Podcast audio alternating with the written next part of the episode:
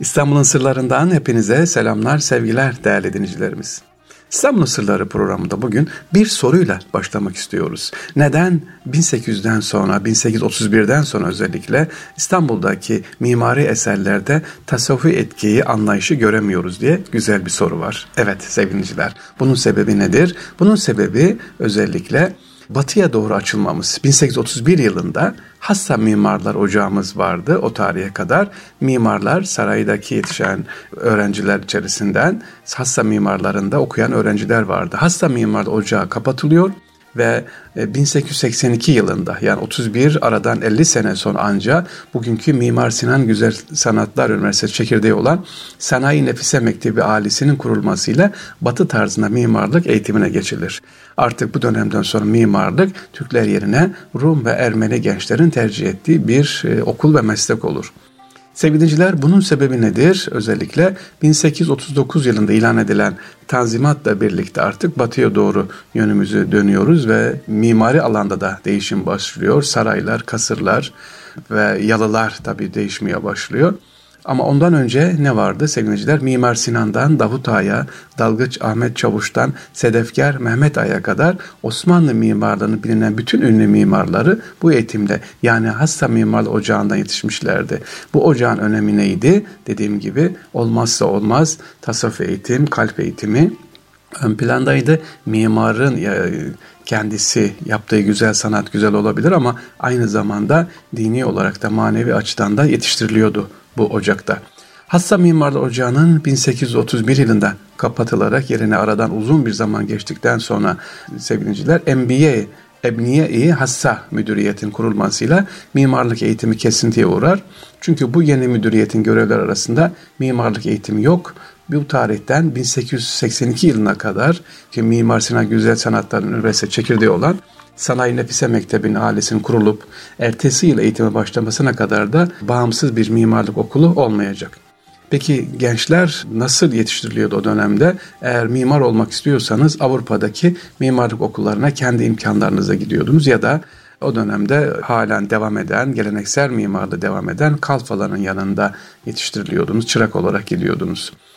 Ebniye-i Hassa müdüriyeti kurulunca Hassa Mimarlar Ocağı'ndaki mimarlar bu müdüriyete kaydedilir. Hatta o dönemde ocağın başındaki Abdülhalim Efendi de yeni kuruluşun başına getirilir. Ancak Hassa Mimarlar Ocağı'na yetişmiş mevcut mimarlar içinde piyasada geleneksel mimarlık yöntemlerini uygulayarak çalışan kalfalar içinde yeni bina türleri gerek sanayi devrimiyle birlikte batıda yaygınlaşan yeni inşaat teknikleri ve malzemeler artık iyice yabancıdır. Çünkü bu da çok önemli seviniciler.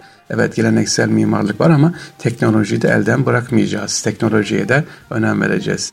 Bundan dolayı seviniciler özellikle bizim Müslüman gençlerimiz askeriye, kalemi ya da ilmiye dediğimiz mesleklere yöneldiler. Sanayi nefis, mimarlık şubesi öğrencilerin çok büyük bir bölümü dediğim gibi Ermeni ve Rum gençlerinden oluşmaya başladı.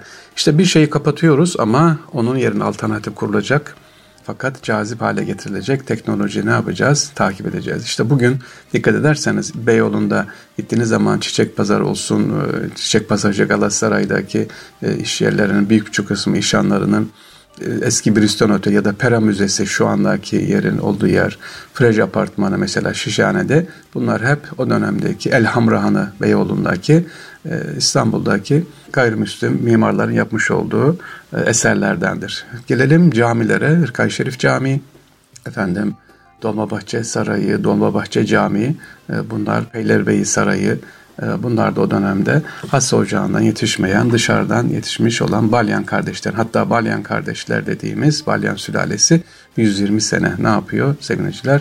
Osmanlı'da büyük bir eserler yapıyor. İşte camiler olsun, saraylar olsun.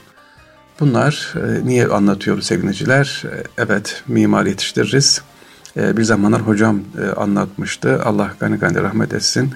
E, Semaveyici hocamız bir mimar dedi yetişir ama bir mimarın evine gidip baktığınız zaman eğer evinde klozet var klozetteki hassasiyeti göremezseniz yani kıble hassasiyeti yoksa eyvah dedi. Biz o gence gerekli eğitimi vermemişiz demektir dedi. Bir ev yapılırken Osmanlı döneminde bir temel atılırken nereye dikkat edilir? Kıble yönüne dikkat edilir. e, evin özellikle kullanım alanı hep kıbleye doğrudur. Güneş tamam bir de kıble önemlidir. Bu hassasiyeti veremiyoruz demişti. Allah rahmet etsin. Bu hassasiyet inşallah verilir. Çok tabii değerli mimarlarımız yetişti. İnşallah bir dönemde onları Mimar Kemal'den itibaren onları da anlatmaya devam edeceğiz. Osmanlı geleneğini devam ettiren mimarlarımız. Sevgili dinciler özellikle Osmanlı döneminde Edirne Kapı şehitliğimiz önemli. Ee, burada yatan şehitlerimiz var ama Edirne Kapı şehitinde yatan Alman mimar dan bahsetmiştim. Çok önceleri bir dinleyicimiz bunu soruyor. Gerçekten diyor Edirne Kapı Şehitliği'nde yatan Alman mimar var mı? Gerçekten var tabii. Sevgiliciler bunu gidip görebilirsiniz. Alman Yahudi mimar yatıyor. 1930 yıllarda Almanya'da Hitler faşizmden kaçıp İstanbul'a gelen yatan e, Alman mimar var. Bruna Taut efendim. Bruno Taut 20. yüzyılın önde gelen Alman mimarlarındandır. Hatta bugün e, Boğaz e, içinden böyle geçerken Boğaz'dan e, sahillere böyle bakarsanız sol tarafta Avrupa yakasında Bruno Taut'un evi diye ünlenmiş e, evi de vardır. Onun yapmış olduğu eseridir. Peki neden Edirne Kapı'da yatıyor? Edirne Kapı şehitliğine yatıyor. Sevgiliciler Bruno Taut 24 Aralık 1938 tarihinde İstanbul'da vefat ediyor. Vasiyeti üzerine Edirne Kapı şehitliğine defnediliyor şimdiye kadar İstanbul Edirne Kapı Şehitliği'nde kabul edilip gömülen tek gayrimüslim. Ayrıca Edirne Kapı Şehitliği'nin en son tasarımını ve mimari çizimini yapıp bugünkü son haline getiren de Bruno Taut'tur. İşte neden burada yattığını da anlamışsınızdır. Ee, kendi, az önce bahsetmiştim 1938'in sonuna doğru Bruno Taut'un kendisi için bugün 15 Temmuz Şehitler Köprüsü'nün Ortaköy ayağına yakın yerde bir ev inşa eder.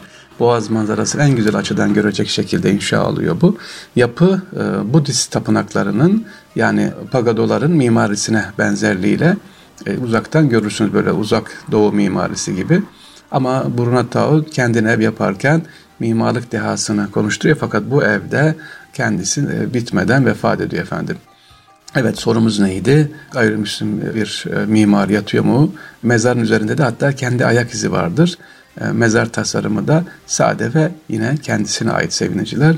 Türkiye'de yaptığı eserler Ankara'da Dil Tarih Coğrafya Fakültesini yapmış. Atatürk Lisesi var, Trabzon Lisesi var. İzmir Cumhuriyet Kız Enstitüsü var. İstanbul'da kendi evi var ve birçok tabi yapmış oldukları eserler de var burada Burna Tağut'la. İstanbul'da sevgiliciler özellikle gezip gördüğümüz zaman farklı mimari görüyorsunuz.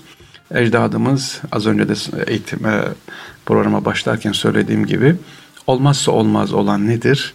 Bir eser yapacağımız zaman o eseri bizden sonra da gelenlere mesajdır. Mesela Süleymaniye Camii'ne geziyorsunuz ama Süleymaniye Camii'ne girerken kapıdaki çeşme dikkatinizi çekiyor. Ya diyorsunuz ki böyle çeşme olur mu? Sadece meydanda çeşme ama tek bir tarafından su akıyor. Diğer taraflarda yok. Farklı çadıra benziyor. Evet çadıra benziyor. Çadır çeşmesi. Çünkü Mimar Sinan unutmamış. İşçinin hakların her gün verildiği bu çadırda işçi orada çalışıyor. Hatta hayvan hakları da önemli. Maaşını buradan günlük alıyor. Çünkü burası diyor cami hak geçmesin. Ola ki yarın gelmeyebilirsin hak kalmasın diye. Bir an bittikten sonra cami işçilere de sembolize ediyor. Onları da unutmuyor. İşte çadır çeşmesini kuruyor. Mimarlığımız böyleydi. Çünkü dediğim gibi az önce de söylediğim gibi mutlaka hangi eserimiz, hangi işimiz olursa olsun tasavvufi bir kültür, tasavvufi bir ne vardı? İşin içinde mesaj vardı sevgiliciler.